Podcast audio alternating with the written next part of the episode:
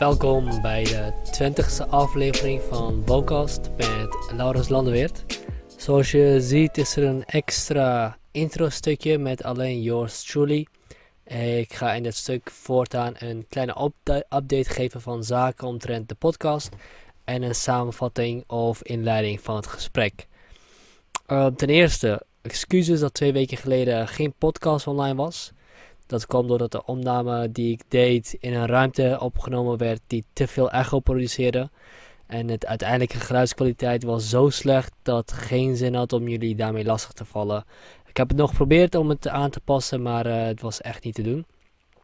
Het was wel jammer, want ik sprak met een vriend van mij die uh, verschillende ondernemingen gestart is om blockchain technologie en cryptocurrency toegankelijker te maken voor de leek. En zijn nieuwste project heet LiquidSwap. En het is bedoeld om het traden van verschillende crypto's makkelijker en sneller te maken. Uh, we hebben het gehad over hoe het werkt, maar ik kan je vertellen dat ik het nog steeds niet helemaal snap. Het is uh, zeer complexe materie, maar als je iets met crypto's en bitcoin doet, kan ik je aanraden om liquidswap.com eens te checken.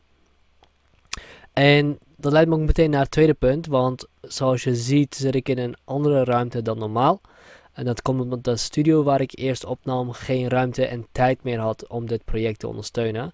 Dus nu heb ik een mobiele podcast installatie, in feite een goede laptop en een microfoon, uh, zodat ik overal op kan nemen. Uh, dus verwacht veel afwisselende locaties de komende tijd. Uh, ten slotte ben ik dinsdag 10 september gespreksleider bij het Filosofisch Café in Café Trianon in Nijmegen. Daar gaan we met Evert van der Zweerde praten over wat het inhoudt om Nederlander te zijn. Interessant onderwerp voor iedereen in Nederland, denk ik. En er is ook muziek en een column van Evdokia Psara. Ik hoop dat ik dat goed uitspreek. Normaal vragen mensen dat aan mij, dus nu weet ik ook het is hoe het voelt aan deze kant van de naam te staan. Uh, goed, ik hoop jullie daar te zien en ik kan uh, hier vast ergens ook een link plaatsen. Dat uh, zie je misschien vanzelf. Het gesprek dat je gaat luisteren is gevoerd met Skype. dat zul je zo wel zien. en voor degenen die het niet zien, je zult het wel horen. Um, de geluidskwaliteit is redelijk goed. Um, ik ben aan het experimenteren met geluidsveranderingen en enhancement en dat soort dingen zodat je gewoon betere kwaliteit hebt. En ik ga vaker experimenteren met verschillende vormen. Of ja, je hebt of een fysiek gesprek of een virtueel gesprek. Dus ik ga waarschijnlijk vaker virtuele gesprekken voeren. En ik ben benieuwd wat jullie hiervan vinden. Um, laat een bericht achter als je denkt dat Skype gesprekken echt niet kunnen. Of dat juist een goed idee is. En ik hoor graag ook van jullie wat jullie vinden van een intro zoals dit. Want ik kan me voorstellen dat het fijn is om zo ingeleid te worden. Maar ook dat je gewoon meteen aan de inhoud wil beginnen. En um, dus ja, daar ben ik benieuwd naar. En zoals altijd, hartstikke bedankt aan alle supporters. Dankzij jullie kan ik dit blijven doen. En deze inter interessante gesprekken gewoon gratis beschikbaar maken voor iedereen. Um, dan nu naar het gesprek. De gast van vandaag is Laurens Landeweert een filosoof die doseert aan de natuurwetenschappen en ook nog eens op kunstfaculteiten. Zoals je kan voorstellen dat we met zo iemand met zo'n breed palet uh, is dat we veel onderwerpen hebben aangetipt. Maar de kern ging toch over de aard van levende systemen en het procesgedreven karakter van de werkelijkheid. Wat dat betekent pakken we stukje bij beetje uit in het gesprek, maar in het kort eh, komt het denk ik erop neer dat uh, in de wetenschap we organismen va vaak behandelen als machines die mechanisch werken. En dat model helpt ons om lichamelijke processen te begrijpen alsof het bewegende radartjes zijn. Um, heeft heel veel opgeleverd, um, maar het levert ook tegelijkertijd een gestold beeld van het orga organisme op. We missen hiermee dat levende systemen, dus organismen, groeien, een levenspad hebben en een levenspad afgaan. Uh, hetzelfde geldt voor categorieën zoals tijd en ruimte. We knippen deze continue elementen van de werkelijkheid op in meetbare onderdelen. Is het geheel dan wat anders dan de som van haar delen? Of is het terecht om ze op te delen op deze manier? Um, volgens Laurens wel. En dat, zal ook hiervoor argumenteren in het gesprek. Um, en kort gezegd gaat daar ook het gesprek over. Of dat terecht is of niet. Of dat een goed, goed model is om uh, met de werkelijkheid om te gaan. Dus veel kijkplezier. Stop. Laurens, hartstikke bedankt dat je zo snel uh, bij mij op een podcast kon komen. Uh, volgens mij gisteren stuurde Pieter een mail van hey, wellicht kun je Laurens Landenweert vragen of, uh, over een paar onderwerpen. En volgens mij hebben we elkaar al een keer ontmoet omdat ik een college-reeks van jou gevolgd heb. Oh, welke zou dat zijn? Uh, volgens mij bij Human Enhancement en Biologie. Iets, volgens mij was het een dubbel college van jou en Pieter. Ja, dat zou wel eens kunnen, ja. We hebben op een gegeven moment een... Uh, ja, we hebben sowieso eens een keer voor uh, Radboud Reflex een dubbel college gegeven. Het zou kunnen dat je daarbij bent geweest. En we geven ook samen de reeks Upgrading the Human. Upgrading the Human, dat was het inderdaad. Heel interessante college-reeks. Um, zou je kort kunnen vertellen wat je doet, Laurens, en wie je bent? Uh, ja hoor, nou, ik ben dus Laurens Anderweert. ik ben filosoof. Ik werk nou zo'n vier dagen per week voor de Radboud Universiteit Nijmegen. Uh, niet op de filosofieafdeling, maar bij de faculteit wetenschappen, dus FNWI. daar zit ook al heel lang een soort ingebedde groep die vanuit onder andere filosofie kijkt naar ontwikkelingen in exacte wetenschappen. Mm um, los daarvan ben ik ook nog werkzaam één dag per week voor, bij de Kunstacademie in Maastricht. Bij een interdisciplinaire bachelor daar. Ja, dat, dat lijkt misschien een beetje een, een wijde boog die ik overspan. Uh, maar ze zijn wat mij betreft precies het spiegelbeeld van elkaar. Want ik ben niet een klassieke wetenschapsfilosoof. Ik kijk eigenlijk vanuit een soort van, ja, hoe we het zeggen, cultuurfilosofie, kentheorie, metafysica, naar um, ontwikkelingen in de samenleving überhaupt. Exacte wetenschappen horen daarbij. Maar ik kijk dus ook naar de manier waarop uh, creatieve uh, interventies daarin positief kunnen uitpakken. Mm. En, en het met dat in je achterhoofd dat je moet kijken naar wat mijn rol bij de kunstacademie is. Ja, dus ze hebben mij daar ook ooit uitgenodigd om uh, te fungeren als uh, soort van vraagbaken voor die studenten als het gaat over allerlei ontwikkelingen rond het antropoceen, rond menselijke verbeteringstechnologie. Dus ook op die kunstacademie geef ik heel vaak les of, of leid ik uh, dialooggroepen die specifiek wetenschappelijke en technische um, aspecten hebben.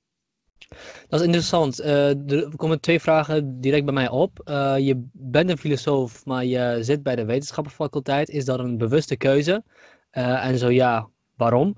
Ja. En ten tweede, um, van waar de, het belang om die creativiteit van de kunsten te combineren met de ontwikkeling in de wetenschappen? Oké, okay, ja, ik begin maar eens met de eerste, denk ik. Ja, is dat een bewuste keuze? Ja, je zou altijd hopen dat dit soort dingen bewuste keuzes zijn. Maar ja. dat zijn constructies achteraf natuurlijk. Um, ja, het is, het is een beetje zo gegroeid. Kijk, weet je, ik heb in, um, in Amsterdam filosofie gestudeerd tot 2000. En uh, al ben ik net niet bij metafysica afgestudeerd. Ik had er één vak te weinig voor en ik had te veel vakken in esthetica. Dus dat is mijn afstudeerrichting. Uh, daarna heb ik nog een geschiedenis van de filosofie herzien. Uh, misschien ken je hem wel. 25 eeuwen filosofie van Jan Borg. Nee. Nee. nee. Ah, nou, dus laten we zeggen een bloemlezing uh, van de afgelopen nou ja, 25 mm -hmm. Um, en daarna ben ik begonnen met een PhD aan een faculteit gezondheidswetenschappen in Maastricht. De financiering van dat um, uh, PhD-schap kwam uit een Europees project dat keek naar de mogelijkheid van een uh, geïnstitutionaliseerde ethiek van biotechnologie. Eigenlijk was dat mijn eerste aanraking met, dat we zeggen, de exacte wetenschap in een wat directere zin. Want daarvoor had ik wel wat tijd besteed aan fenomenologische psychologie.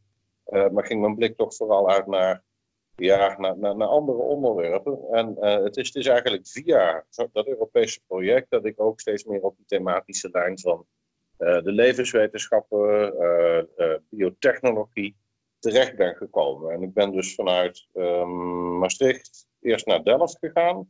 In Delft heb ik heel veel praktisch werk gedaan, dat wat meer te maken had met techniek en beleid.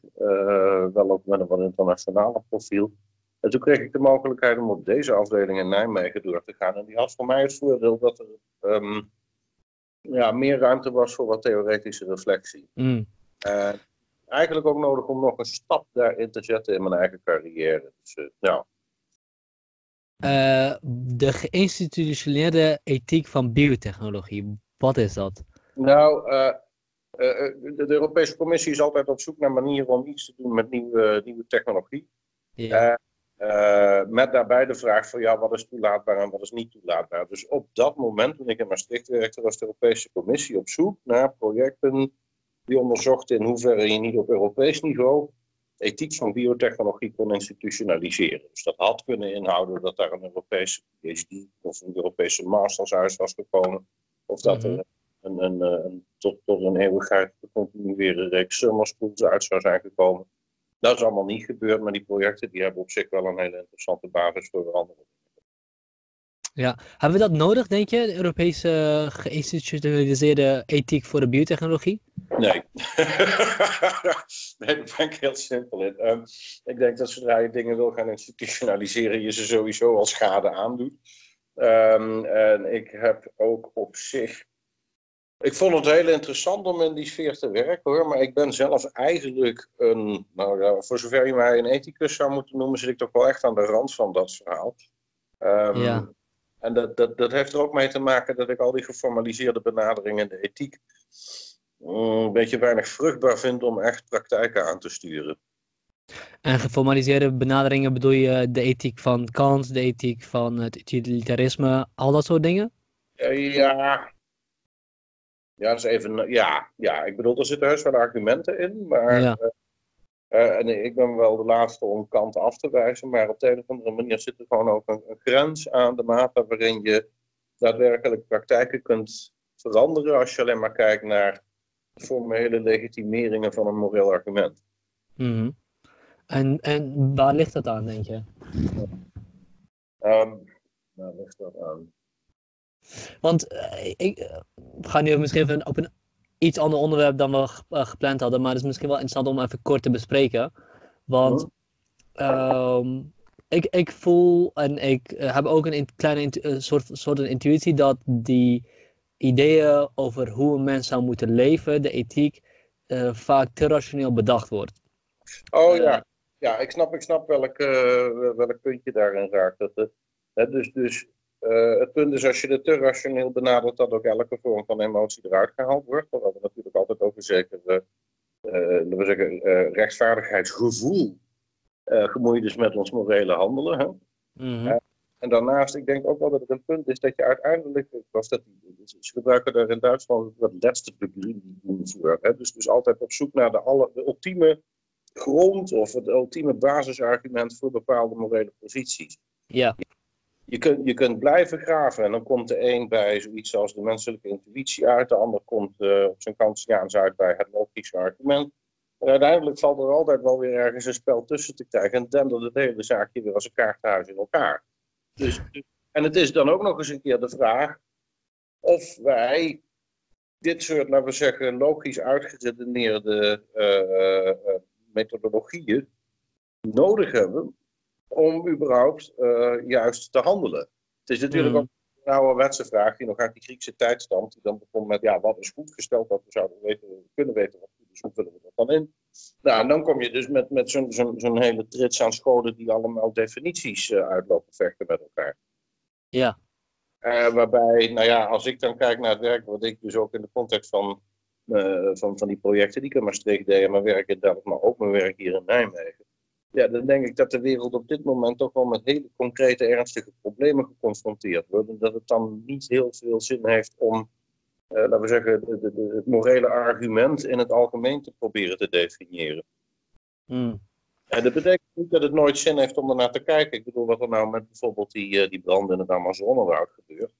Uh, en, en, en de houding die, die de premier daar ten opzichte van Macron gisteren aannam in de dagen daarvoor. Mm ja, dat, dat stelt gewoon enorme vragen naar, ja, is, is de normale rechtsstraat staat nog wel u in staat om, om, om problemen van, van, van dit soort uh, enormiteit op te lossen?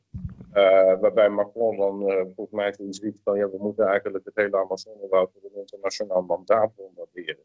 Natuurlijk een, een, een, een stokoude kolonialistische gedachte, maar...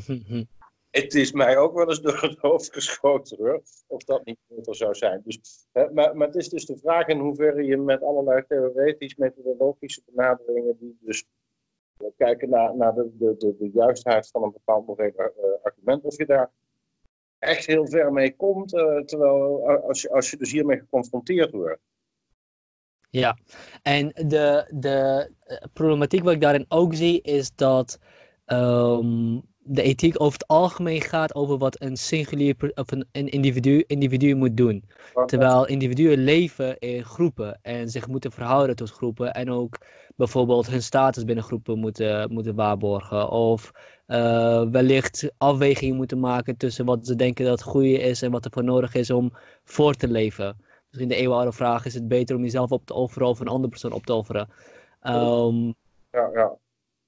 Ja, wat ik, wat ik wel een belangrijk punt daaraan ook vind, is, is dus dat er te, weinig, te weinig um, de geschiedenis van de formele ethiek en zo, uh, te weinig aandacht is geweest voor wat je nou met, met, met het niveau van samenleving moet aanvangen. Uh, natuurlijk wel in Plato's Republiek en natuurlijk ook in, uh, in allerlei logische consequenties van als, als, iedereen handelt zoals ik handel, dan, dan zou de samenleving niet werken, dus moet anders handelen. Je weet wel, die mm -hmm. en zo. Daar zit wel ook altijd die die gemeenschapsdimensie in, maar uh, het maakt nog niet duidelijk genoeg hoe, hoe, we daar iets mee aan moeten vangen. En, maar misschien weet jij, je kent misschien het begrip uh, die Open Society van Karl Popper. Ja, ik ken het begrip, maar dat, dat, daar houdt ook mee op. Oké, okay, uh, ja, het is niet van Karl Popper trouwens. hij, hij, heeft het bekendgemaakt, maar het komt oorspronkelijk van Henri Bergson, die in 1932 een boek schreef uh, uh, Les deux sources de la moralité et de la religion. Ja. je denkt dan dat hij ineens vanuit. eigenlijk is het een, een, een, eerste boek dat je techniekfilosofie zou kunnen noemen. Oké. Okay. ja, misschien dat er mensen zijn die ook nog voor 1932 Marx. ja, kun je inderdaad zeker ook een techniekfilosoof noemen. Maar, maar in, in, in, in de hedendaagse betekenis van het woord denk ik dat dit wel zo'n beetje een eerste is. En dan gaat hij dus sterk in op wat het verschil is tussen een gesloten en een open moraliteit en een gesloten en een open religie. En dat dus mm -hmm. in een open samenleving. En, en zijn punt was eigenlijk dat wij uh, nu, en dan heeft hij, dit schrijft hij dus uh, tot 1932, heeft lang over het gedaan, maar toen dus al uh, voor een probleem stonden en geconfronteerd werden met een probleem dat um, uh, de wereld steeds meer vervuild raakte door het gebruik van uh, olie en andere fossiele brandstoffen. Mm -hmm. uh, dat, daar dus een, um, dat, dat, we daar iets mee moeten doen, omdat de, de druk op de planeet eigenlijk te groot wordt. Hè? Dus, dus lang, lang, lang voor de, de, discussies van nu constateerde hij dat dus al. En, en dat het dus ook niet meer genoeg is om te opereren op basis van wat hij dan de moraliteit van de gesloten samenleving noemt. Dat is een moraliteit die ja, bijna biologisch te duiden valt. Hè. Uh, uh, die, die diende ertoe om solidariteit binnen een gegeven gemeenschap uh, op peil te houden. Mm -hmm.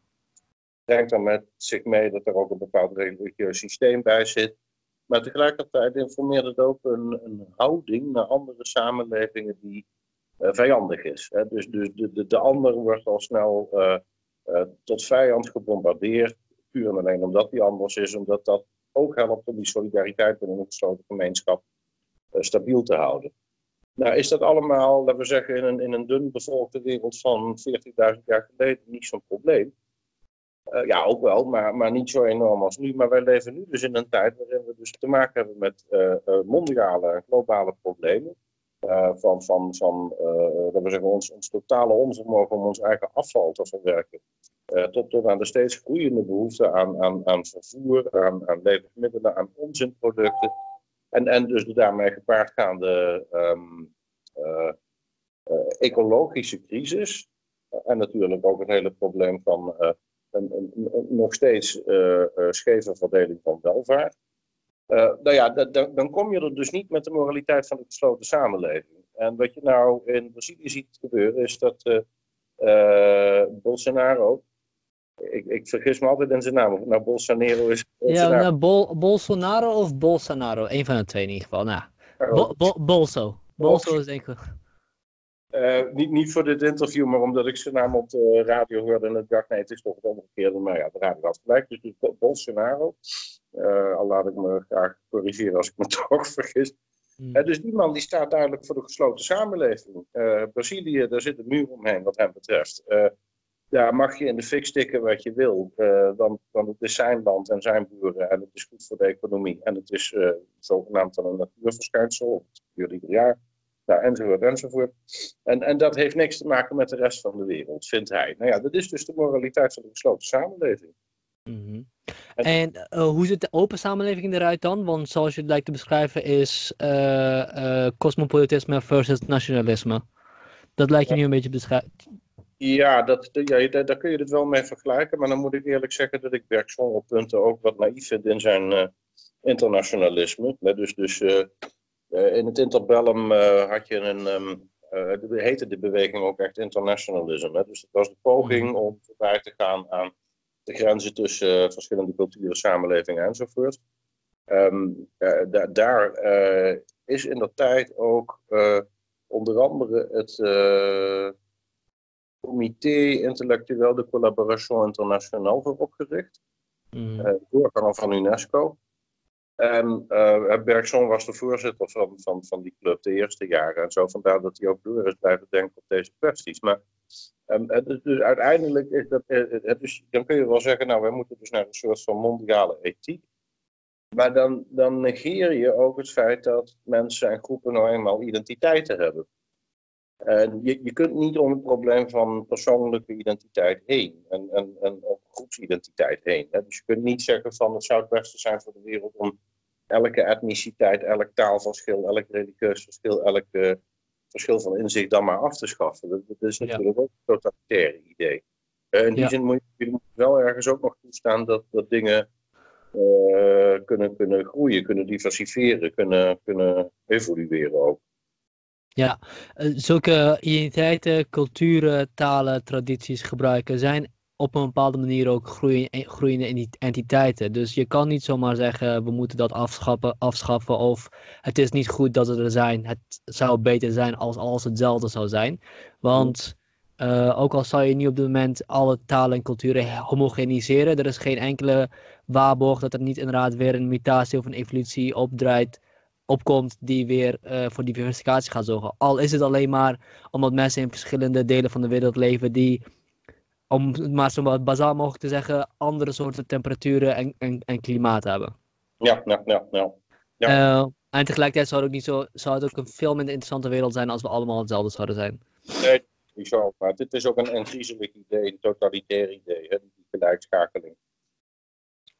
Maar er zit wel iets in, uh, en het idee en de gedachte dat naarmate onze technologische vooruitgang ervoor zorgt dat we steeds meer effect hebben op de wereld en, steeds meer een globaal effect op de, op de wereld hebben, uh, er toch op een bepaalde manier een overkoepelende identiteit of ideologie of iets waar we het in ieder geval over eens kunnen zijn, moet, moet kunnen ontstaan, zodat we uh, uh, met elkaar eruit kunnen komen waar we heen moeten. Ik bedoel, als er een land is in Brazilië die zegt dat. Sorry? Of we daar nou een overkoepelende identiteit voor nodig hebben, dat weet ik niet. Maar we, moeten we hebben in ieder geval wel te maken met grensoverschrijdende problematieken. Mm. Dat, dat, is niet alleen maar plastic afval in de Maas bij Maastricht. Dat, dat, dat is dus van, van zo'n gigantische proporties dat, dat we hier niet niks meer aan kunnen doen. Ja, inderdaad. Uh, als ik nou een onheilsprofeet wil lijken, want heel veel mensen die zich bezighouden met dit probleem en dan op een wat reflexievere manier die worden automatisch onheilsprofeten. Maar ja, daarmee word je eigenlijk eh, meteen in de rol van een Cassandra gegooid. Je kunt roepen wat je wil, maar mensen geloven het uiteindelijk toch niet of handelen er in ieder geval niet naar. Dus uh, nou. Ja. Nou, ik bedoel, onheilspellend. Uh, er, is natuurlijk ook veel, er is natuurlijk ook veel goeds te winnen. Door, door een internationale identiteit of karakter of internationale samenwerking op zo'n manier te kunnen uitvoeren dat we zulke globale problemen wel echt kunnen aanpakken. Als we, als we dat kunnen bereiken, dan is er ook denk ik wel een grote belofte. Maar er is natuurlijk ook veel onheil wat kan gebeuren. Ja, nou ja, kijk, wat belangrijk is, is dat er een dialoog tussen verschillende werelden en wereldbeelden ontstaat. Mhm. En die dialoog betekent dus ook dat je de eigen positie op het spel moet kunnen durven zetten. En, en moet inzien dat het contact met een andere traditie ook verrijkend kan zijn. Ja, verrijkend, uh, maar het kan ook problematisch zijn. Ehm, want uh, elke cultuur, elke traditie neemt ook dingen mee die wellicht niet, beter niet geaccepteerd kunnen worden. Of die wellicht niet passen in uh, wat, je wil, wat je wil doen, om hem even een conservatief argument aan te geven. dus het, het, de, de onheil en de belofte is er altijd in de ontmoeting met het, met onbekende, laat ik het zo zeggen. En beide, beide aspecten moeten, uh, moet je eigenlijk eerlijk en authentiek mee kunnen nemen om, om niet om, niet om, uh, niet om, om die ontmoeting tussen, tussen verschillende culturen en tradities te kunnen omtoveren tot iets nieuws die samen kunnen werken. Um, ik denk dat Nederland een goed voorbeeld is van, wat, van het feit dat er meerdere culturen nu samenkomen.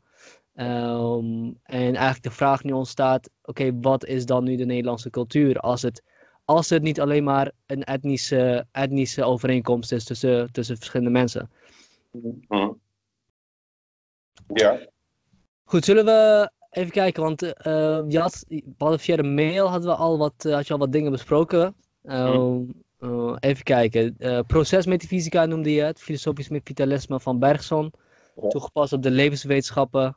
Um, en wat ik zelf ook interessant vind, vond, was de aard van levende systemen. Wat, wat bedoel oh. je daarmee? Ja, weet je, ik, ik werk dus hier op een, uh, op een faculteit die ook wel landelijk best bekend is voor zijn onderzoek in synthetische biologie. Mm -hmm. Delft had ook een, nou, een, een, een, best belangrijke afdeling in, in, in hetzelfde vakgebied.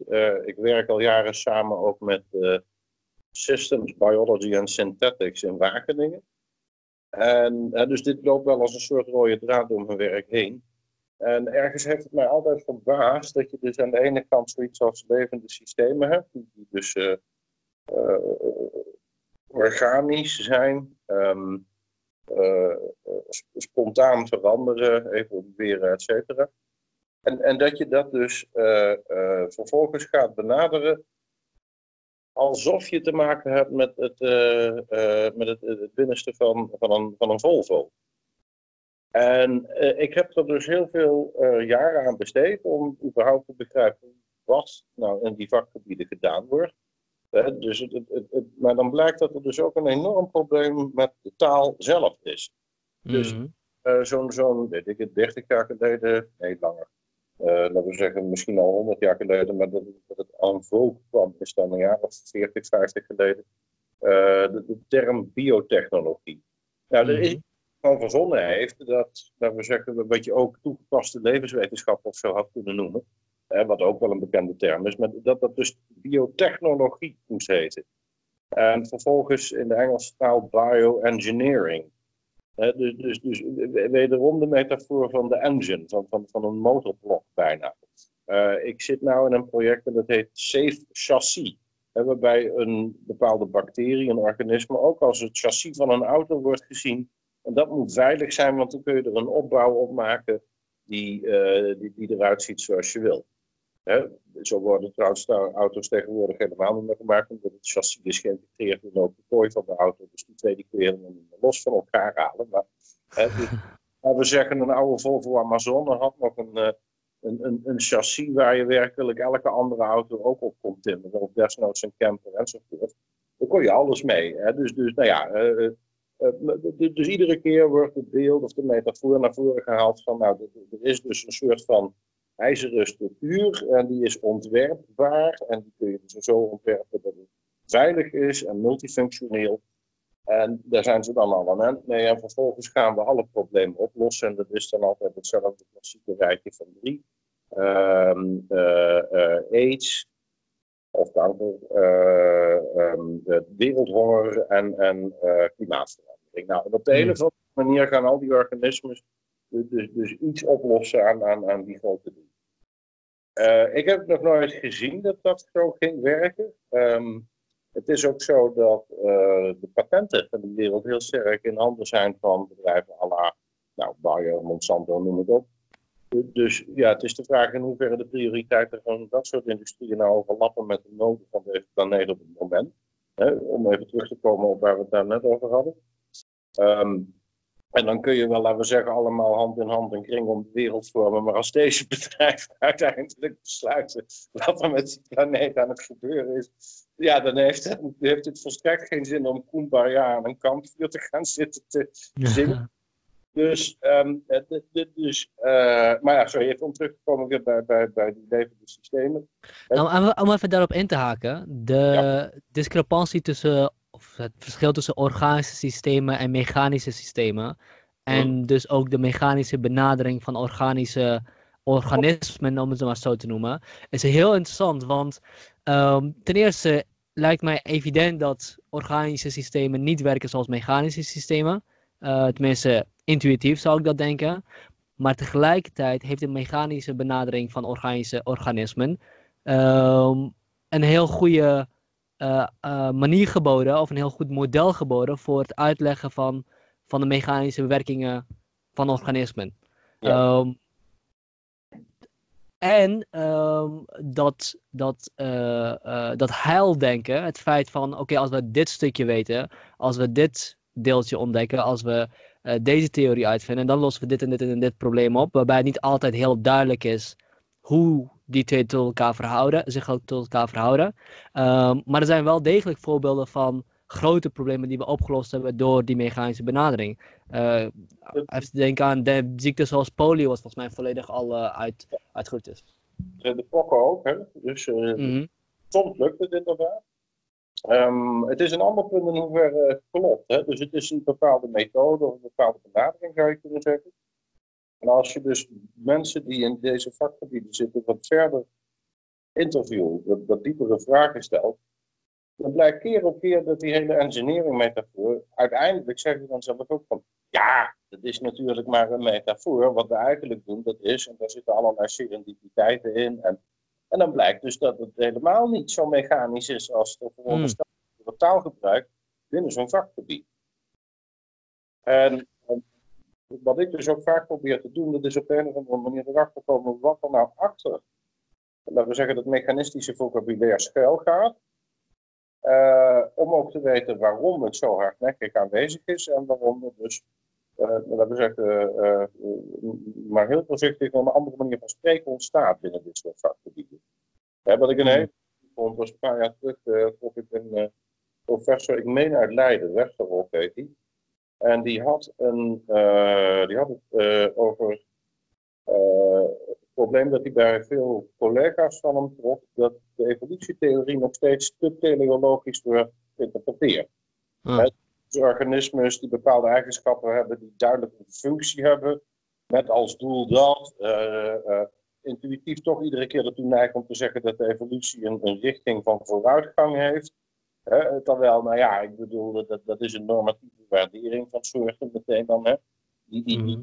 bijna per definitie menselijk is, behalve als je een theologisch kader van waarom, ja, waren we daar nou niet vandaan aan het gaan toen we met de evolutietheorie van Darwin in zee gingen. Hè? Dus, dus, en hij zei van ja, het, het, hij zei, dit merk je ook aan wat er nou wel en niet gewaardeerd wordt op microniveau.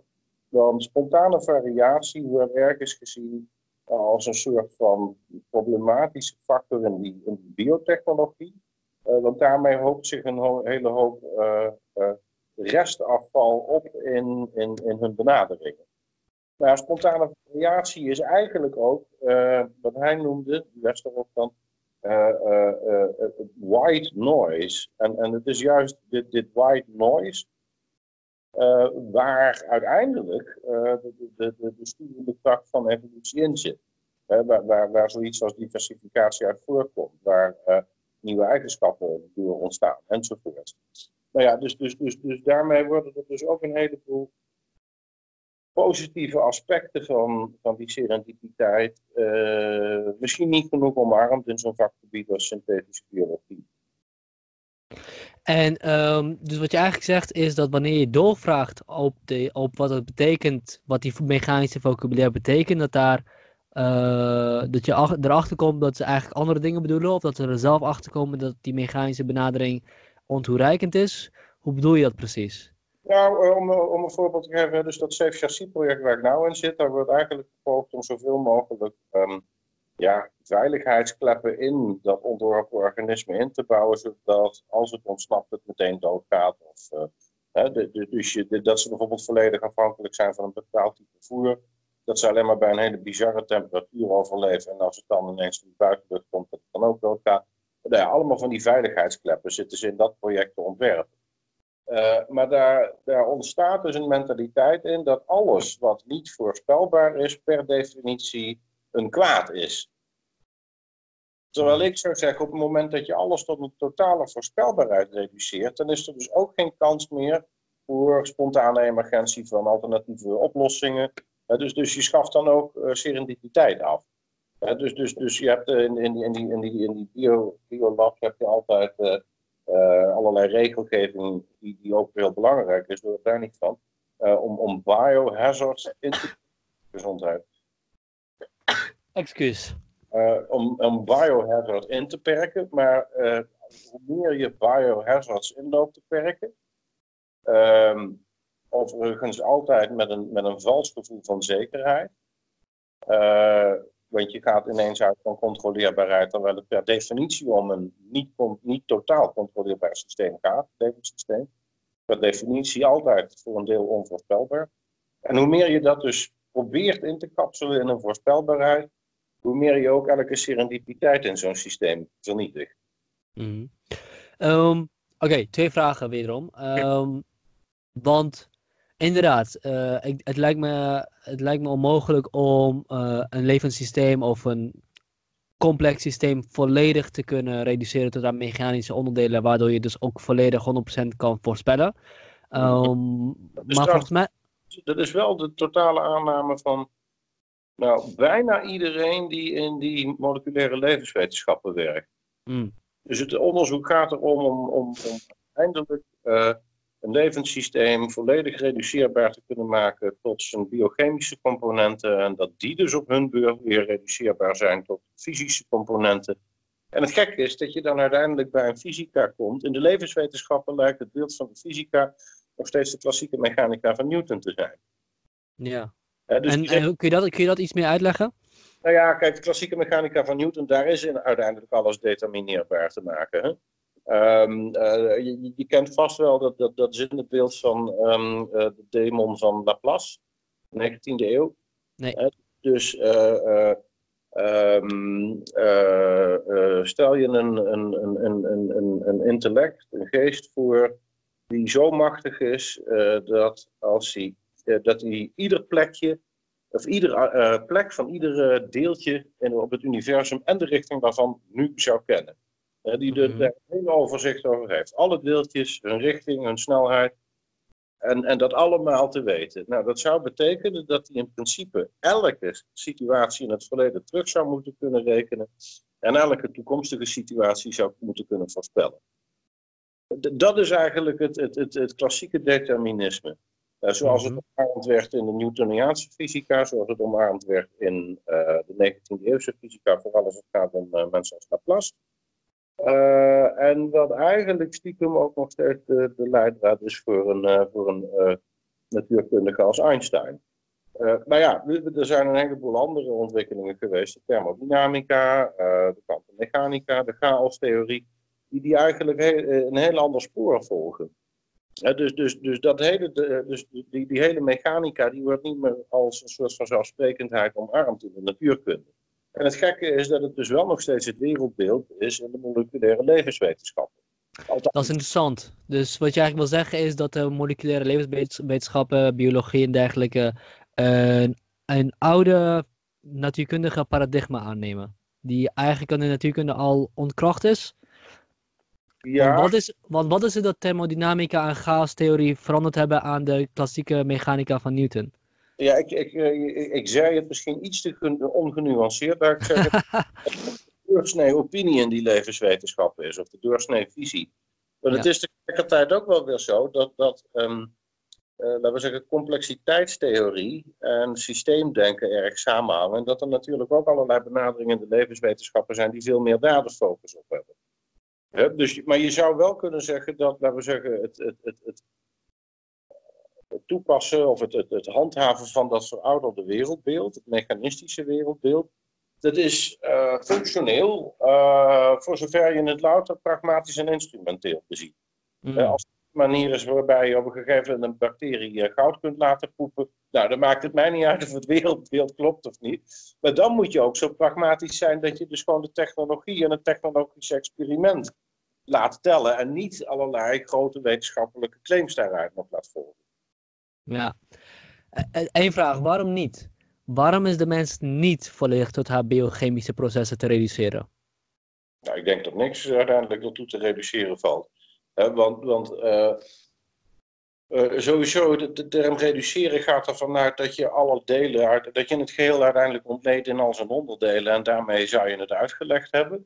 Maar, maar daarbij negeer je, dat, uh, da, daarbij negeer je de, de evolutie van jou of mij of wat dan ook door de tijd heen. Mm dus dus, dus wij, wij, wij, wij, wij veranderen continu. Wij, wij zijn in een continue staat van wording. Dus, dus, dus die, als, je, als je dan mij of jou zou fixeren op een bepaald moment en vervolgens het woord tafel in iemands hoofd gaat proberen te verklaren, door te kijken uit welke biochemische processen zijn neurologische netwerk bestaat, ja, dat is een zinloze exercitie.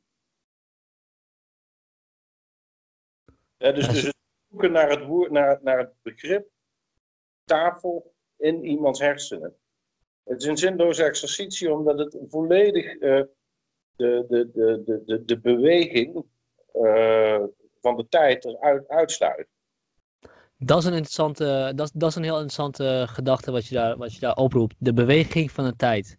Want um, heel veel dingen waar wij mee te maken hebben. En ook bijvoorbeeld ethische theorieën, zoals we het, eerder al bespraken, lijken niet, uh, in ieder geval niet expliciet rekening te houden met het feit dat we groeiende organismen zijn, groeiende systemen.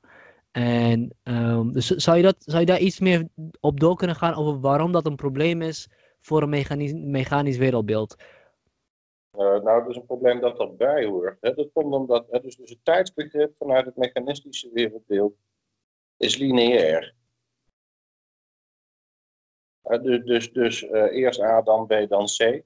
Mm. En het neemt dus aan dat als je, als je een definitie van het universum zou willen geven, dan, of het al zou willen geven, dan, dan zou het dus zoiets zijn als uh, het universum als de collectie van alle dingen. en die bewegen zich dus allemaal op een lineaire tijd van het begin van het heelal naar het einde van het heelal. Wat ergens vreemd is, want daarbij moet je natuurlijk meteen de vraag stellen: wat was er dan voor het begin en wat was er na het eind? Um, hè, maar dus, dus die lineaire tijd is, is, eh, is dus problematisch.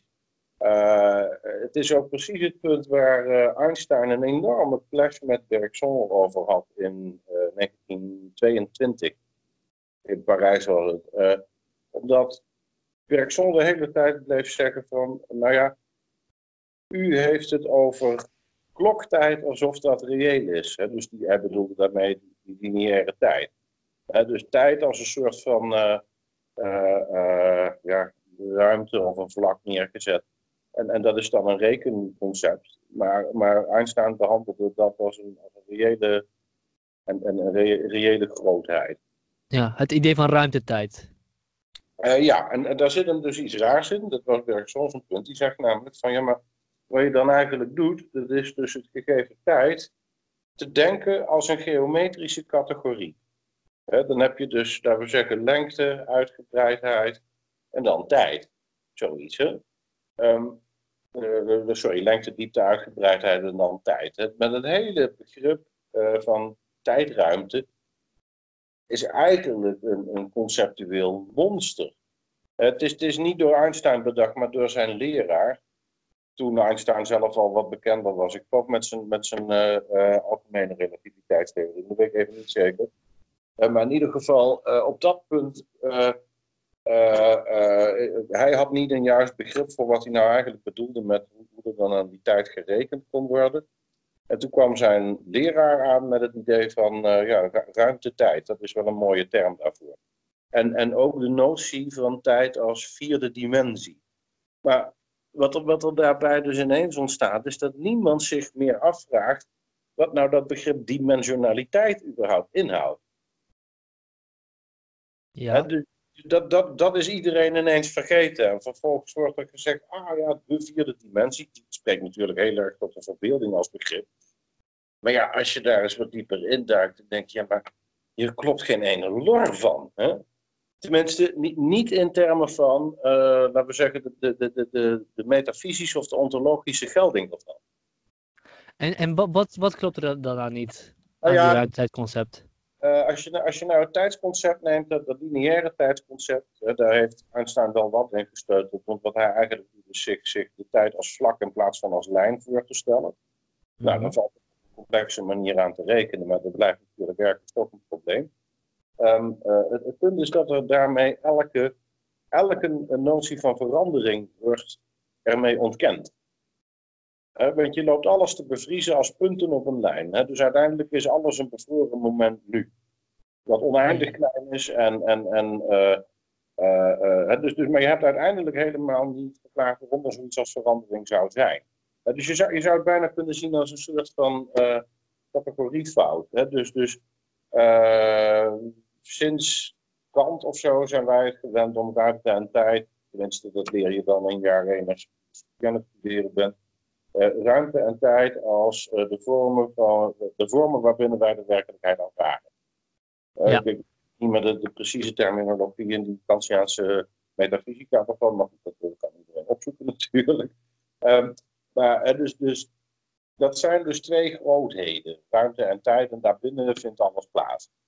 Um, dus dan zou je eigenlijk moeten zeggen dat verandering zoiets is als, ja, dus een soort van optelsom van die twee.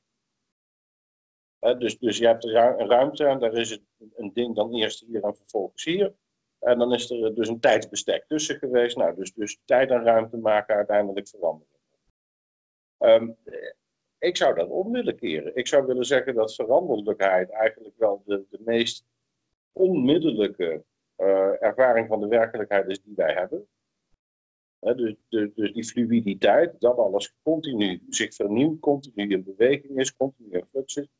En vervolgens gaan we dat dus volledig negeren. Tenminste, dat is wat er in een bepaalde traditie in de theoretische natuurkunde over de afgelopen 300 jaar is gebeurd. Hmm. dus, dus, tijd wordt, eh, de, de, de, veranderlijkheid wordt gewoon genegeerd. En dan had ik, ik, ik vond op een gegeven moment echt een prachtig boek Um, en dat heette zoiets als. Wacht, even zoeken dan. Wil ik ja. het hele Ja, die notie van, van tijd opdelen in kleinere stukjes heeft me uh, inderdaad op veel vlakken. Um, ja, laat ik zo zeggen. Ja. Laat ik zeggen, ongemakkelijk gemaakt. Uh, om een voorbeeld te noemen. Um, in sommige, sommige kringen krijg je het idee dat, um, dat je bijvoorbeeld 300, als je, dat je ongeveer volgens mij iets van 70.000 dagen in, de, in, de wereld, in, het, in je leven te leven hebt.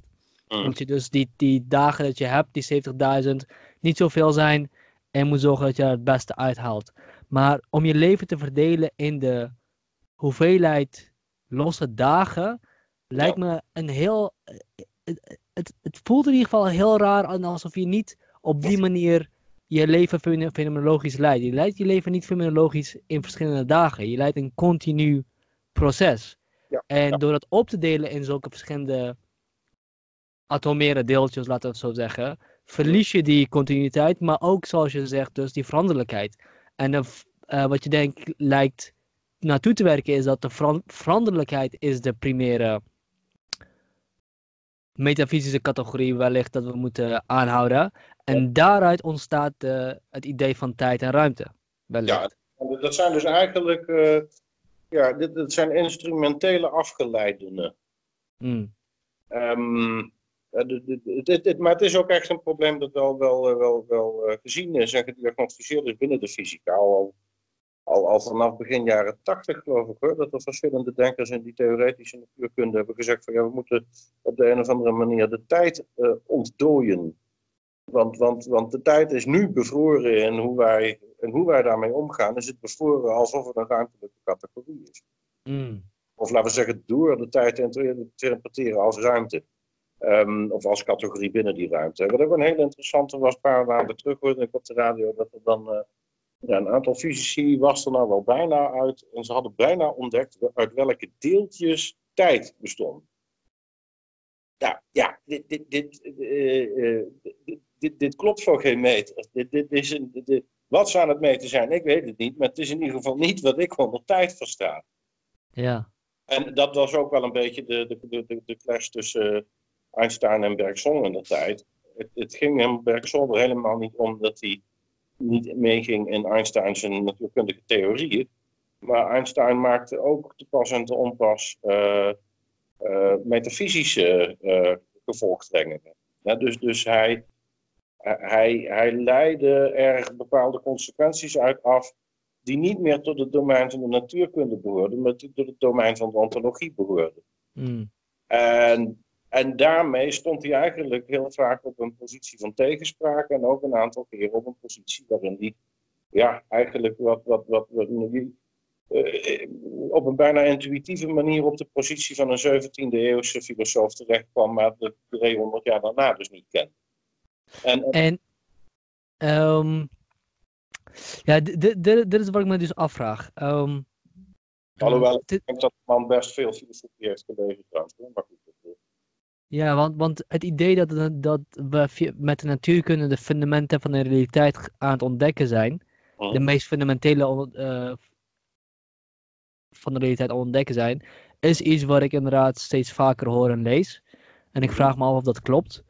Uh, maar aan de andere kant. Um... Er gebeurt heel spannend onderzoek in de natuurkunde, dus dat, dat, dat zeker hoor. Maar het, uh, ik, ik, denk dat je als, je, als je een theoretisch fysicus bent, dan ontkom je er haast niet aan om ook iets met filosofie te doen.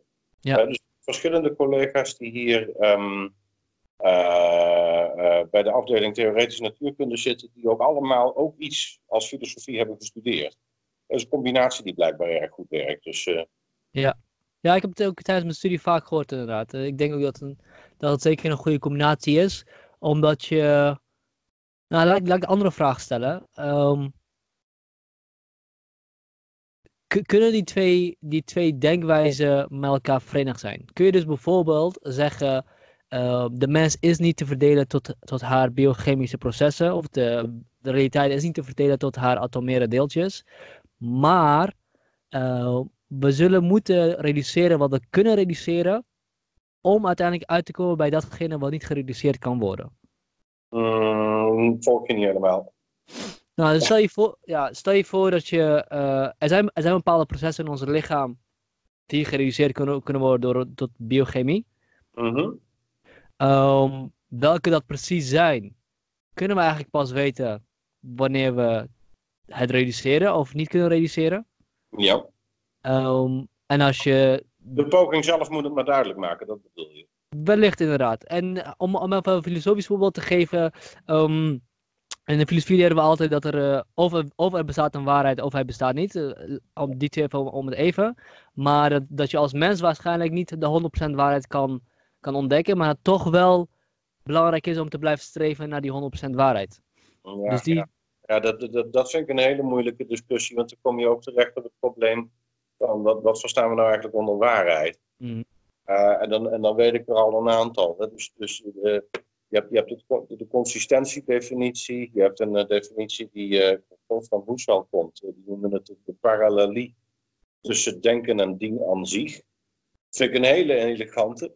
Maar dan zie je ook meteen wat het probleem is van het vooronderstel tussen al zoiets als een scheiding tussen denken en ding aan zich. Mm. als je dan kijkt naar, naar, naar het werk van we zeggen het eerste werk van Bergson. Dat heet uh, het essai sur la donnée immédiate de la conscience. dus het essay over de onmiddellijke gegevenheid uh, van het bewustzijn. Mm -hmm.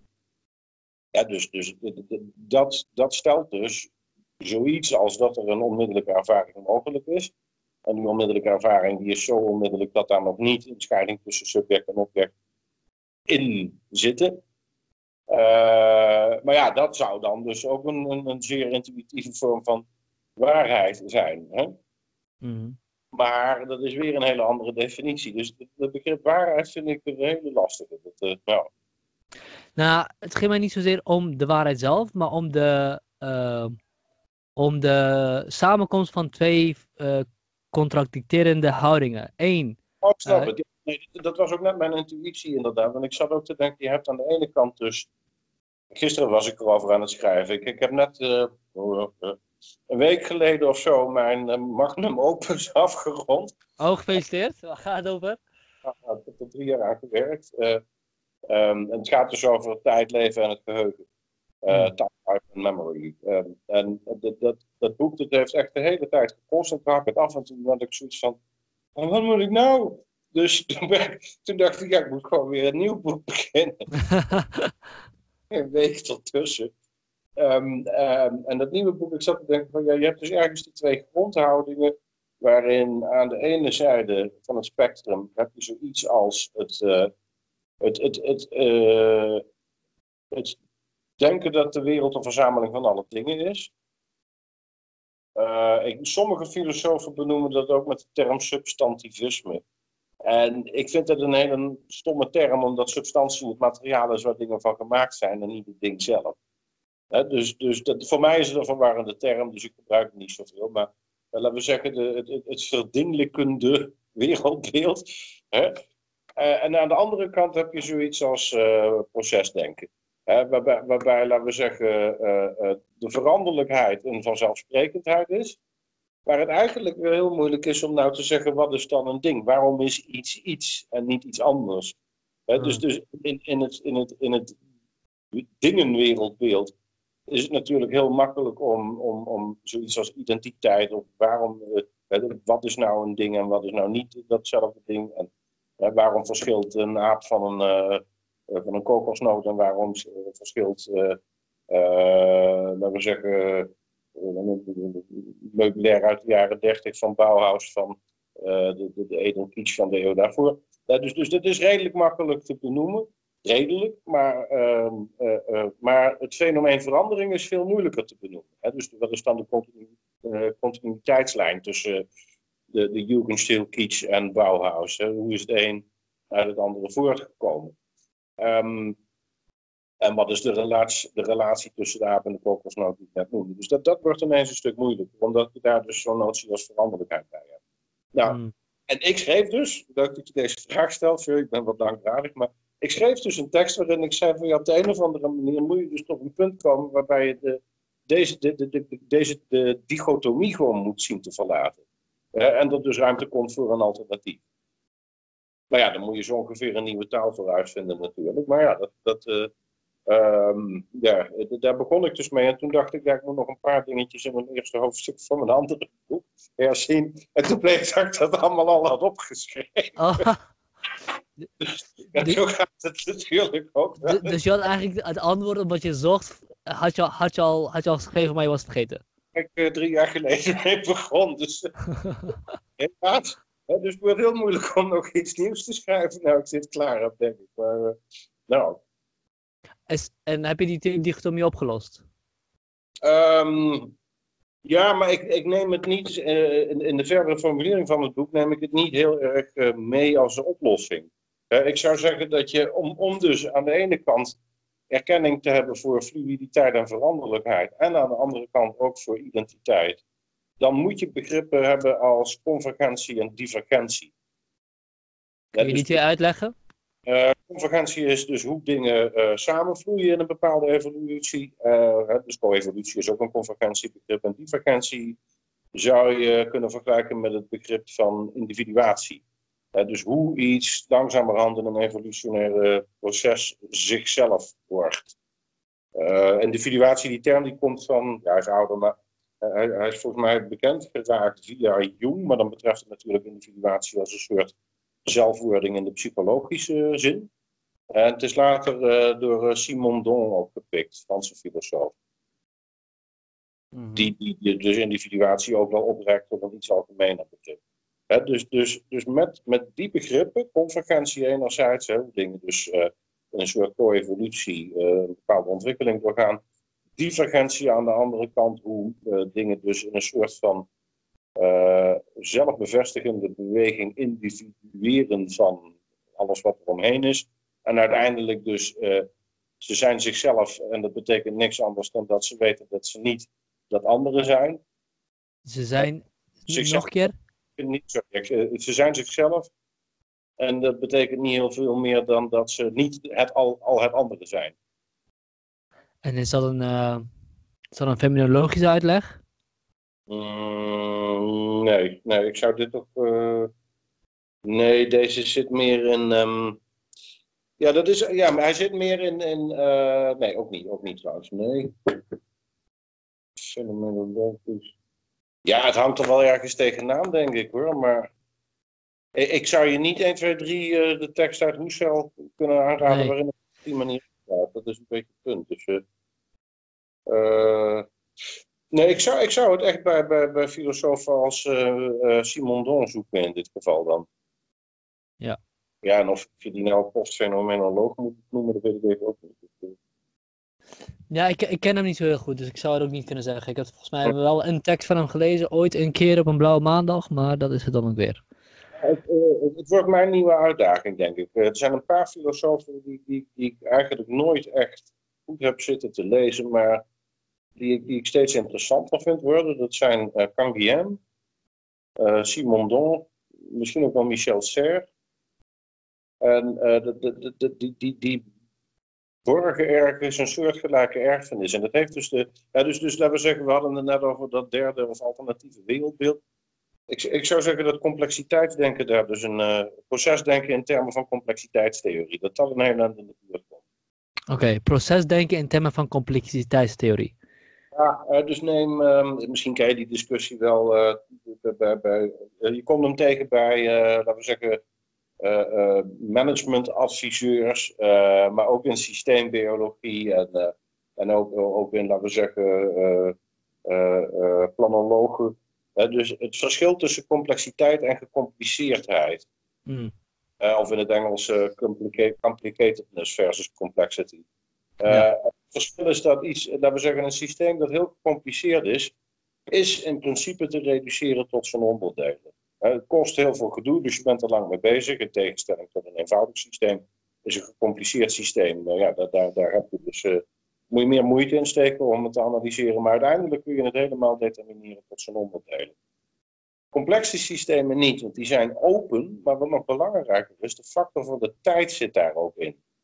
Dus een gecompliceerd systeem kun je bevriezen in de tijd en dan kun je de toekomstige staten van dat systeem uitrekenen en de staten in het verleden. En dat geldt dus niet voor complexe systemen.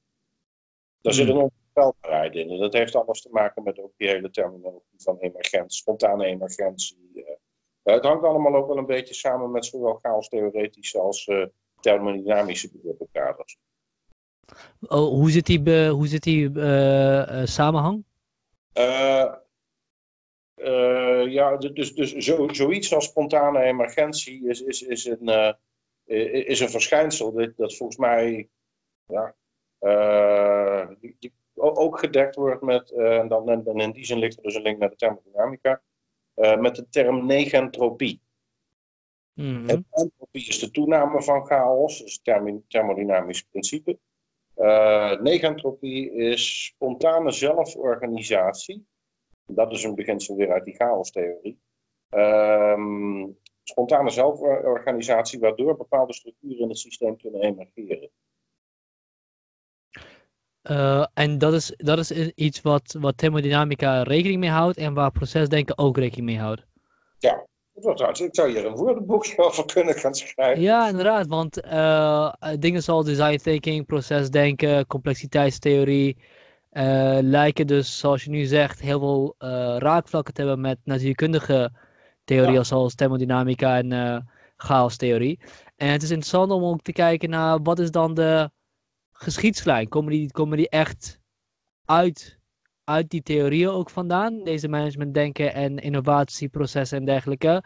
Of is er ergens een shift aan de hand waardoor ook management denkers en uh, uh, innovatiedenkers um, de mechanische wereldbeelden willen laten vallen en naar een procesdenkend wereldbeeld willen gaan. Mm. Want het idee van agile organiseren, het idee van zelfsturende teams is steeds populairder aan het worden. inderdaad. Hè? Dus, maar, dus ik heb niet het idee dat, dat het een het andere nou per se heeft geïnspireerd. Het lijkt wel alsof het in verschillende vakgebieden tegelijkertijd zo'n kanteling aan het doorgaan is. waarbij ik bijna aan het begrip zeitgeist kom. Ja. Ik meestal liever vandaan blijf, maar goed. Dat, dus dus je, zou, je zou zelfs ik zou het nog gevaarlijker kunnen zeggen typisch voorbeeld van Jungiaanse synchroniciteit. Maar mij helemaal niet aankomen. Nou, um, um, uh, ik weet nog dat ik bij een Stiegler gelezen heb dat uh, met de opkomst van technowetenschappen, dus technologie, techniek gecombineerd met de wetenschappen, de wereld uh, haar statische um, haar, haar, staticiteit lijkt te verliezen en verandering de norm lijkt te worden. Ja. in ieder geval in de minds van de, van de mensen die in, die in die wereld leven. Dus dit zou inderdaad een uitwerking kunnen zijn van het feit dat de wereld steeds meer verandert. En het is ook misschien wel een logische tactiek of een logische strategie om aan te nemen wanneer je leeft in een wereld waarin de oude gebruiken, structuren, ehm, ehm, manieren van werken steeds minder effectief lijken te worden. En je ook niet gaat weten hoe de toekomst eruit gaat zien. Dus wellicht is het gewoon een contingente samenkomst van, uh, van een strategie op basis van veranderde werelden. Mm Zou kunnen, ja. Um, we hadden het ook gisteren heel kort over procesmetafysica. Is dat, is, is dat precies een filosofisch vitalisme van Bergson? Ja, nee. Um, nee. Um, de, de reden waarom ik nee zeg, is ja, ze hangen zeker samen. Uh, maar ja, zoals iedereen die zich een beetje met Bergson heeft bezig gehouden, weet, het is, het is, het is een, een, kapitale fout van hem geweest dat hij dat begrip vitalisme voor zijn eigen filosofie aannam. Uh, want daar meteen geassocieerd met het biologisch vitalisme. Met luister als uh, Jacob Berzelius, die dan het ontstaan van het leven aan, aan, de hand van een of andere mystieke vonk verklaarde. Wat natuurlijk totale pseudowetenschap is en zo. En, uh, maar dus, dus procesdenken is, uh, dus vitalisme is heel sterk de, de, een bepaalde, de filosofie dan, hè, uh, een bepaalde notie van kijken, of een bepaalde manier van kijken naar levende systemen als zodanig. Terwijl procesdenken volgens mij niet per se alleen maar naar levende systemen kijkt. Het is gewoon de aanname dat de wereld uit processen in plaats van uit dingen bestaat. Mm. Die term procesdenken die zit hem ook wat dichter tegen filosoof als uh, Alfred North Whitehead aan. Ja, want? Uh, nou ja, dus hij heeft die term volgens mij voor zijn eigen manier van denken ook gemunt. Mm. Dus ik, ik ben altijd een beetje voorzichtig met het gebruiken van, laten we zeggen, de, de, de, het gebruiken van de terminologie van één persoon voor het duiden van iemand anders denken. Omdat er mm. altijd viele verschillen en zo zijn. Maar, hè, dus, dus procesdenken, ja, dat is in het algemeen gewoon het, het, het het, het, het, denken over de wereld als, uh, als, als, als een serie processen en ontwikkelingen en evoluties eerder dan een verzameling van dingen. En het, het, het, het, het, vitalisme um, is uh, ja, voornamelijk. Uh, ik denk dat je met die term, zo, zo, beschrijf ik het uiteindelijk in het boek van mij, dat je met die term elan vital, zoals die bij Bergson centraal staat, uiteindelijk het punt de vitale impuls. Ja, nou, dat je het punt kunt, uh, dat daarmee het punt wordt beschreven waarbij uh, dode biochemische systemen uiteindelijk individueerden tot levende. dus zichzelf wisten te identificeren, zichzelf als zichzelf wisten te herkennen. En daarmee dus ook alles wat niet zichzelf was buiten de deur wisten te houden. dus dus ik, ik denk dat als je dus op die manier dat, dat punt van vitale impuls zou inzetten in de biologie, dat dat wel correct zou zijn. Maar Bergson gebruikt die term dan weer veel breder. Uh, want, want voor hem is het eigenlijk een begrip dat hij ook gebruikt om zijn zogeheten omgekeerde teleologie neer te zetten. Uh, dus de teleologie heeft voor hem een fout gemaakt, omdat het dus de doeloorzaak aan het einde van het verhaal heeft gezet. En het zou er dus eigenlijk in het begin in moeten zijn gezet. De doeloorzaak, dat is uh, zoals Aristoteles het beschrijft, de theologie. En, en, en dus dat is Bergson's kritiek erop. Dat zou niet aan het einde, maar al vanaf het begin in het systeem moeten zitten. Nou ja, dan kun je dus een enorme discussie gaan opvoeren of Aristoteles dat niet eigenlijk ook deed. Uh, en daarnaast heb je natuurlijk de hele discussie van, ja, maar wat Bergson nu zegt, kun je dat wel teleologie noemen, al is het omgekeerde teleologie. Ik heb me daar niet aan willen wagen, want dat is meer iets voor een uh, Thomistische filosoof ergens. die daar, laten we zeggen, in een, in een, in een goed gelegen klooster uh, een aantal decennia de tijd voor kan nemen. Maar uh, ik, ik ben daar een beetje omheen getrippeld op die kwestie. Dus, ja. Ik vind ook de kwestie van het feit dat levende wezens een sense of self hebben. Dus een, een, een, hoe noem je dat in het Nederlands? Ik ben even het woord kwijt. Um... een, een, een zelfbeeld bedoel je? Of een, een ja, een zelfbeeld is misschien nog te sterk, maar een notie dat zij zichzelf zijn en niet iets anders. Ja, nou ja, een hele interessante. Je moet dus opzoeken uh, uh, Eli Metsnikov. Uh, Metsnikov is min of meer de, ja, de, de, de stichter van het hele gebied van, immun, gebied van de immunologie. Mm. en die zegt op een gegeven moment: een organisme is, is, is een organisme en, en wat is dan de definitie daarvan? Het is dat wat zelf van ander kan onderscheiden. Hmm.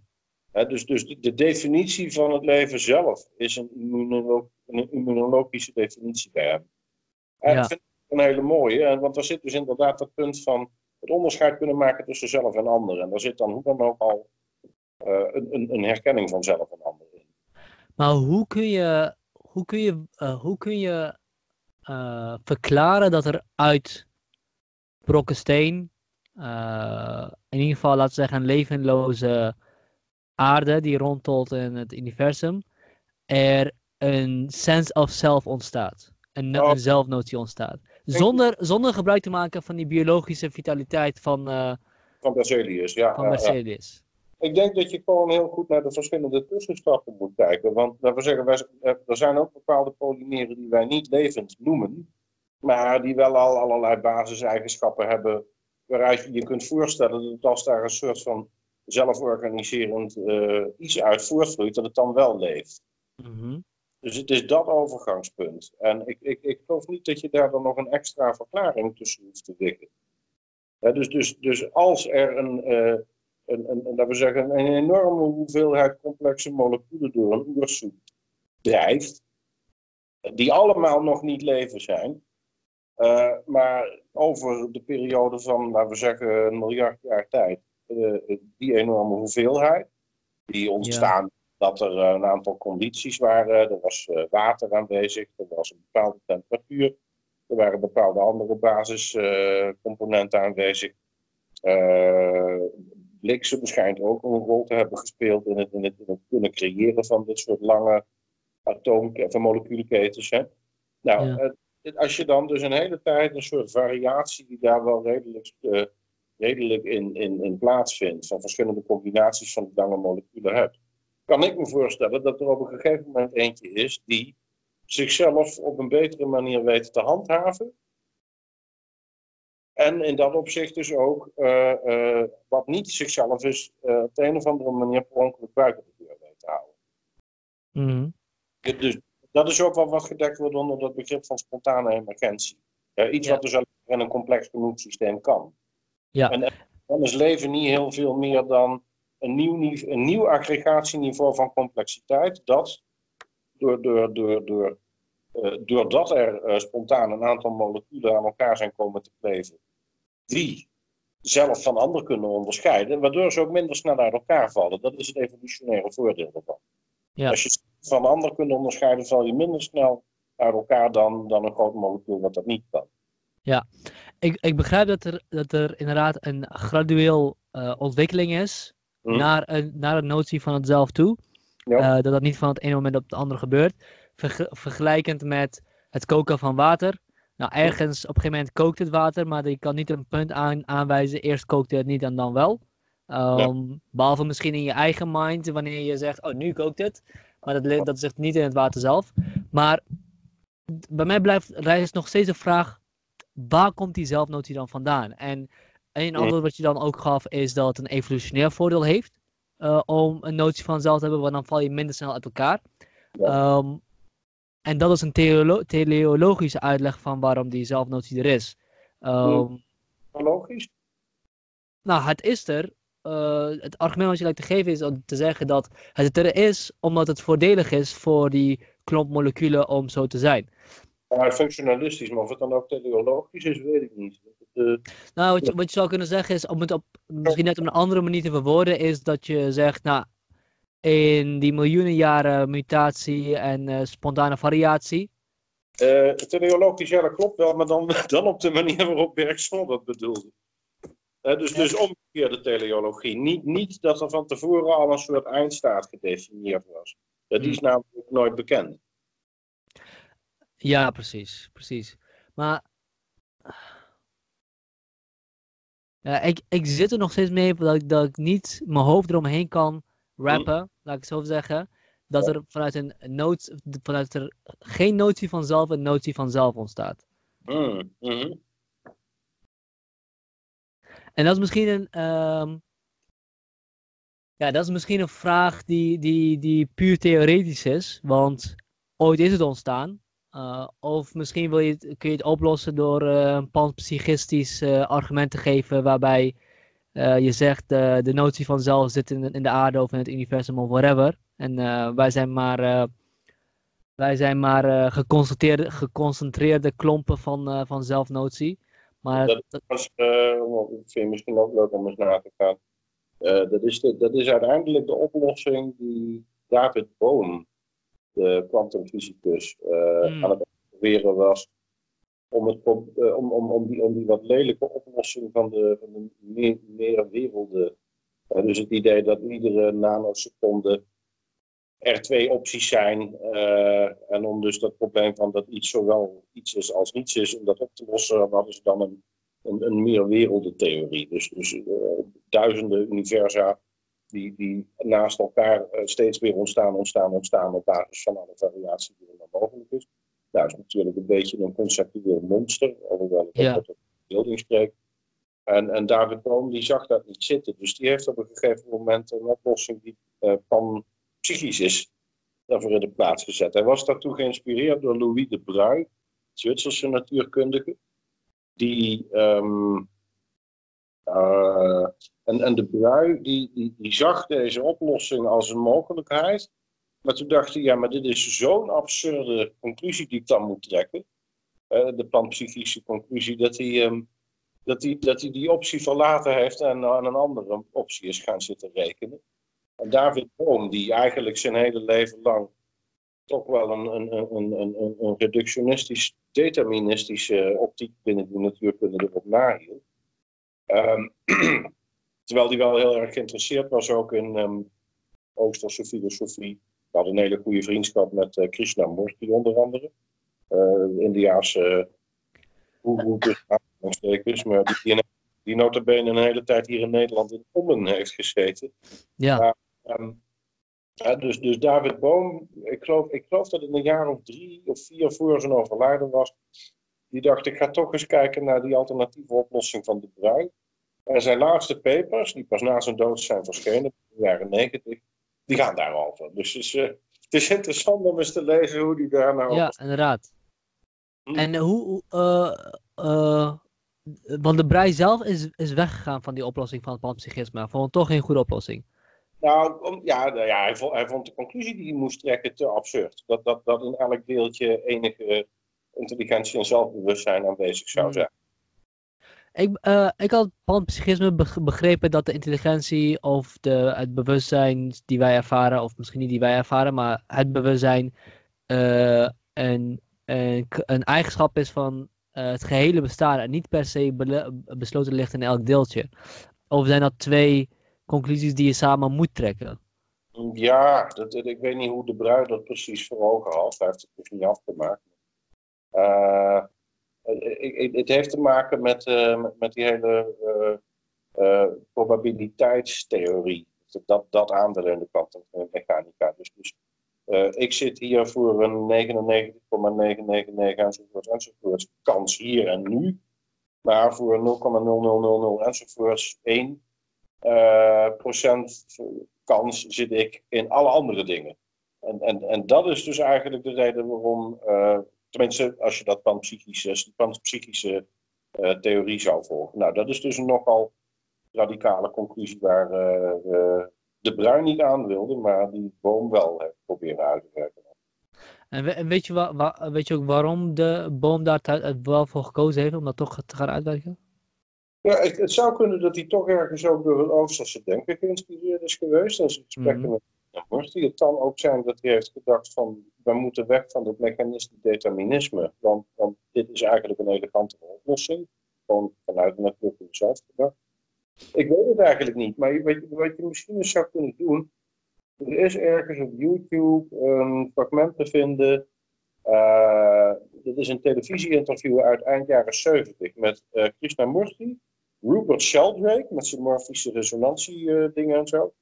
Uh, een psychiater en dan ook nog David, David Bohm. Ik geloof dat het iets van een uur, uur, uur of zo. Ik, ik vond het zelf een heel interessant document om te kijken, maar ik heb het nooit helemaal afgekeken. Dus het, ik weet de clue dus nog niet, maar deze kant uit. Het, het Krishnamurti, Boom, Sheldrake, ja. Ja, ik ben er vanzelf op uit, dus uh, nou. Oké. Interessant. Ja, er zijn uh, hele abstracte kwesties die interessant zijn om over na te denken. En uh, het is ook een lijn van denken die ik eigenlijk niet gewend ben, maar waar ik wel heel interessant vind om over op verder te gaan. Um, na, na het schrijven van deze magnum, magnum opus van jou, welke vragen heb je beantwoord en welke vragen zijn nog over? Oeh, ja, ja. Ja, um, ik, ik weet niet helemaal goed hoe ik begonnen ben met het schrijven van dit boek. Ik weet zelfs niet of ik, er, uh, of ik van een vraag uit ben gegaan. Maar um, uh, laat, ik zeggen dat ik voor mij wel veel duidelijker voor ogen heb gekregen wat nou de consequentie is van dat hele denken over de wereld als een verzameling van dingen. Hè, dus, dus wat er dan buiten het gezichtsveld valt. Uh, daarnaast is, is dit ergens ook wel mijn afscheid van de postmoderne taalfilosofie. Dus ik, hmm. ik, ik, ik, ik, merk dat ik er niet meer bereid ben om te zeggen dat je uh, gevangen zit in taal en daarmee nooit naar iets buitentaligs zou kunnen verwijzen. dus, dus Allade, wat, wat, wat, uh, wat vroeger gebeurde. Uh, terwijl ik Derrida nog steeds hoog heb zitten. Hoor. Maar, dus dus ik, ik, zelf wil niet meer alleen maar in die, in die worsteling met het concept en de relatie tussen uh, beeld en werkelijkheid gevangen blijven zitten. Dus dat is een dichotomie die ik in ieder geval door, door, door meer me in te lezen in uh, procesdenken, of in, in, in, in, in nou ja, laten we het dan dus inderdaad filosofisch vitalisme noemen, daardoor, door, door meer over het begrip verandering als zodanig na te gaan denken, of fenomeenverandering moet ik eigenlijk zeggen, heb, heb, ik, heb ik die stap voorbij de, de, de talige kunnen zetten. In mijn eigen denken in ieder geval. dus dat, dat is wel een rijkdom ervan geweest, denk ik. En tegelijkertijd heb ik ook wel eh, aan het boek een heel goed excuus gehad om mij uh, echt goed te verdiepen in theoretische natuurkunde, goed te verdiepen in uh, ook de geschiedenis van de moderne levenswetenschappen. En, en ook goed te verdiepen in de, achtergrond en geschiedenis van de neurowetenschappen. dus ja, dat, dat vind ik wel een rijkdom en dat heb ik geschreven van Maar wat er dan nog open blijft, dat is eigenlijk um, een stap die ik in dit boek had willen zetten, maar het zou een vreemde appendix zijn geworden. Ik, ik wil de stap naar de kunsten zetten in, in een volgende publicatie. Mm. En dat over uh, tijd en veranderlijkheid denk. Nu heb ik het dan gedaan in directe relatie naar wetenschap. Ik zou het in een volgende publicatie ook wel eens interessant vinden, al is het een kleine publicatie, om van daaruit ook de brug naar de kunsten te leggen, zoals ik dat nu in mijn carrière ook heb. Interessant. Um, uh, waar ik zelf. Je zei net iets wat me, wat me, wat, wat me triggerde. Je, je bent voorbij de talige wending gegaan van, de, van het postmoderne denken. Mhm. En in het postmodernisme was het volgens mij zodat je op een gegeven moment vast zat in uh, je eigen denkstructuren, je eigen taal. En dat het heel moeilijk is om vanuit daar iets te zeggen over andere taalspelen.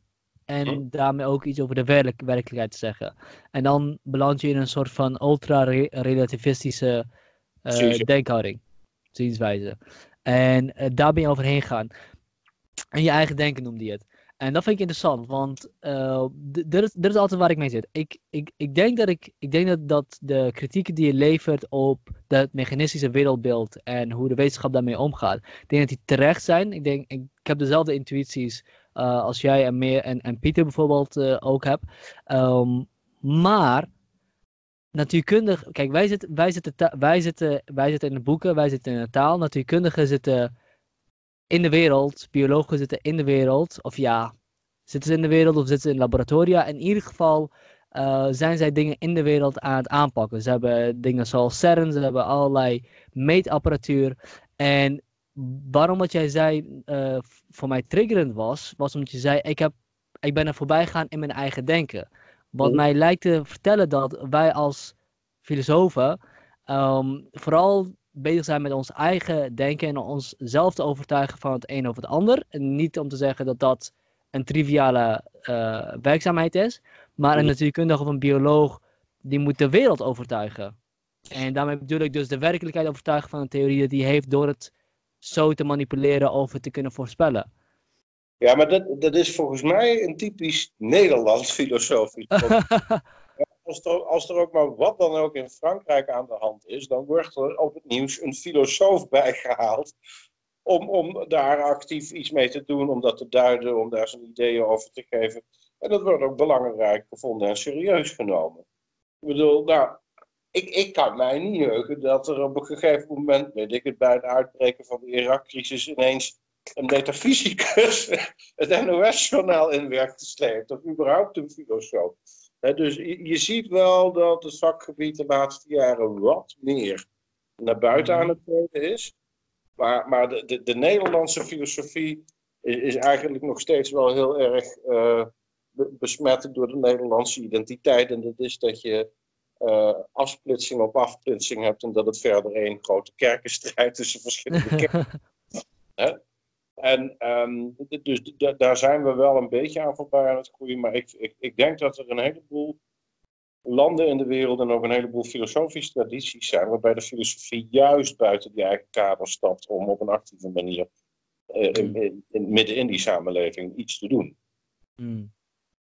Ja, daar heb, je, daar heb je denk ik ook gelijk in. Um, uh, alleen wat ik, wat ik denk probeer te zeggen is dat uh,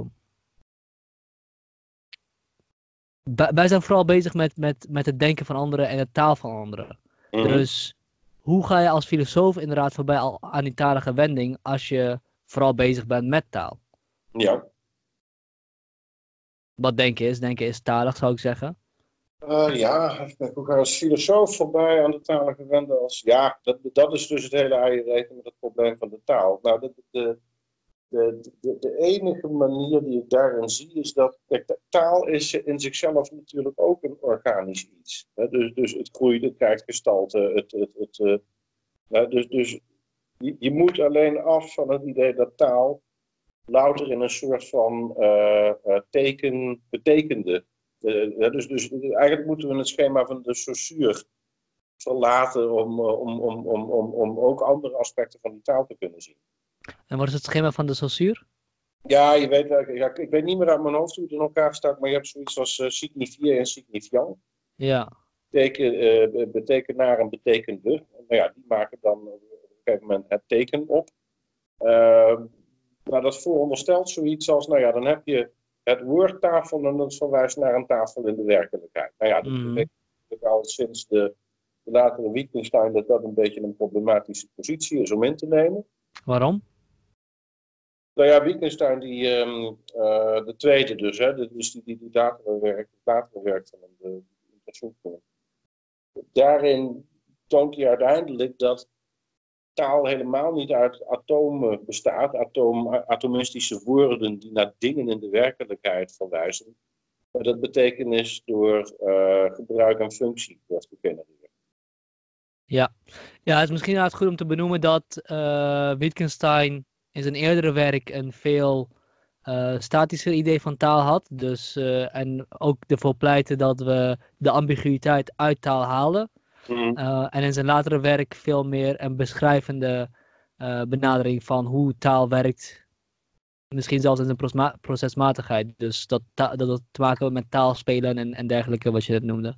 Ja, precies. Ja, nou, nou, ja. Ja, dus dat, eh, maar dat, dat- is, laten we zeggen, die wende, dat is al een voorbode van, eh, laten we zeggen, de postmoderne wende in de taalfilosofie. Mhm. Waarbij er dan uiteindelijk gezegd wordt van ja, die taal die kan nooit naar iets buiten zichzelf verwijzen. En dan, kijk, Derrida blijft er altijd een, eh, iedereen die hem een beetje kent, die zal, eh, zal dit ook wel beamen, die blijft er uiteraard cryptisch over. Maar die zei ooit eens een keer in een interview met hem, hij heeft het nooit op die manier gepubliceerd. Eh, eh, zijn, zijn bekende frase is il n'y a pas de hors langue. Hè, Dus er is niks, eh, door tekst, er is niets buiten de tekst. Er is niets buiten de tekst, ja. Kun je dat kort even uitleggen wat hij daarmee bedoelt? Nou, Want als je het, als je het op zijn meest basale betekenis pakt. dat de taal een volledig zelfreferentieel systeem was, dat uiteindelijk niet over zichzelf heen kon grijpen, zoiets. Dus, dus dat de taal eigenlijk het raster is, wat, dat wij erven en waardoor wij de werkelijkheid eh, eh, ervaren, zien, duiden enzovoorts. Dus, dus, dus alle conclusies die wij trekken zijn eh, gepredestineerd door de vorm van de taal in plaats van dat het een instrument is dat wij zouden kunnen gebruiken. Ja. Ehm, en dan, dus, dus kort samengevat is, de, is het probleem dat dat met zich meebrengt, of de conclusie dan, uh, in tekst. Er is niks buiten de tekst. En dat lijkt dus zo'n zo, zo'n zwaar reductionisme te zijn, dat Derrida zelfs alle, alles wat niet tekst was, ontkende.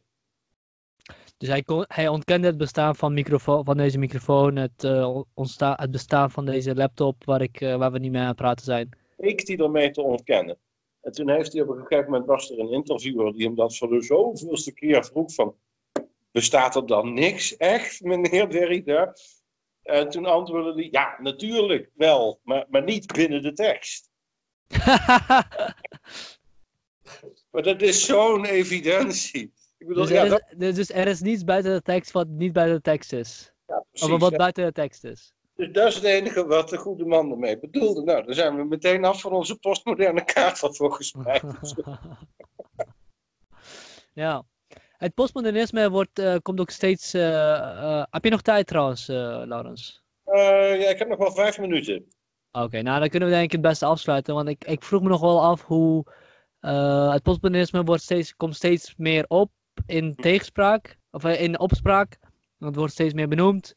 Hm. Door bijvoorbeeld eh Sint Lucas, die, die vindt, een, vindt, het, vindt het het bron van het relativisme van het Westen. Jordan Peterson heeft het vaker over. Ehm, dus ik was benieuwd om het daarover over te hebben. Maar misschien kunnen we dat bewaren voor een volgend gesprek. Ik vind het wel leuk om daar een podcast aan te wi- wijden hoor. Dat, eh, eh, kunnen we iets dieper op een paar dingen ingaan. Want wij, eh, dit- je kent misschien de naam Van Peursen. Was prof aan de UvA in Amsterdam tot de jaren tachtig zo'n beetje. Nee. Die die is op een gegeven moment een boek geschreven, dus eind jaren tachtig dus al. Voorbij het postmodernisme. Ja. En het is een toptitel. En eh, nou, een andere vriend van mij, eh, Jan Boer, die ik al eerder noemde, die heeft niet eens zo lang geleden, een paar weken terug of zo, eh, een boek uitgegeven dat heet Modern Modern. En dat is eigenlijk ook een kritiek op het postmodernisme. Oké. Dus wij zijn echt, het postmodernisme schaft alles uit, eh, alles af. Eh, Het einde van de geschiedenis, het einde van, nou ja, noem het op allemaal. En uiteindelijk zijn we nou, uiteindelijk hebben we het einde van het postmodernisme toch wel echt gezien. Want het, postmodernisme houdt toch volgens mij een beetje op zo begin 2000. We zijn er al voorbij. En waarom houdt het op? Begin 2000?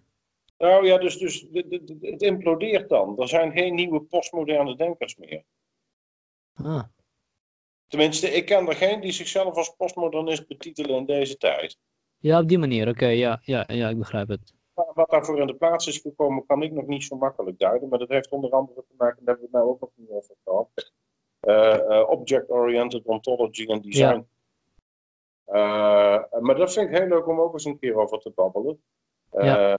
Ook in relatie tot het werk van, en ik weet nooit hoe die nou heet, Joshua Simon of Simon Joshua. Het Nieuwe Materialism. En ik vind het zelf wel een, eh, ja, een gouden publicatie. Dus, eh, nou, En zo, dan gaan we dat sowieso nog een keer doen. eh, En hartstikke bedankt voor je tijd en, en het uitleg. Ik vond het een heel mooi gesprek. En laten we het zeker nog een keer, nog een keer gaan doen. leuk, ja zeker. Yes. Fijne dag.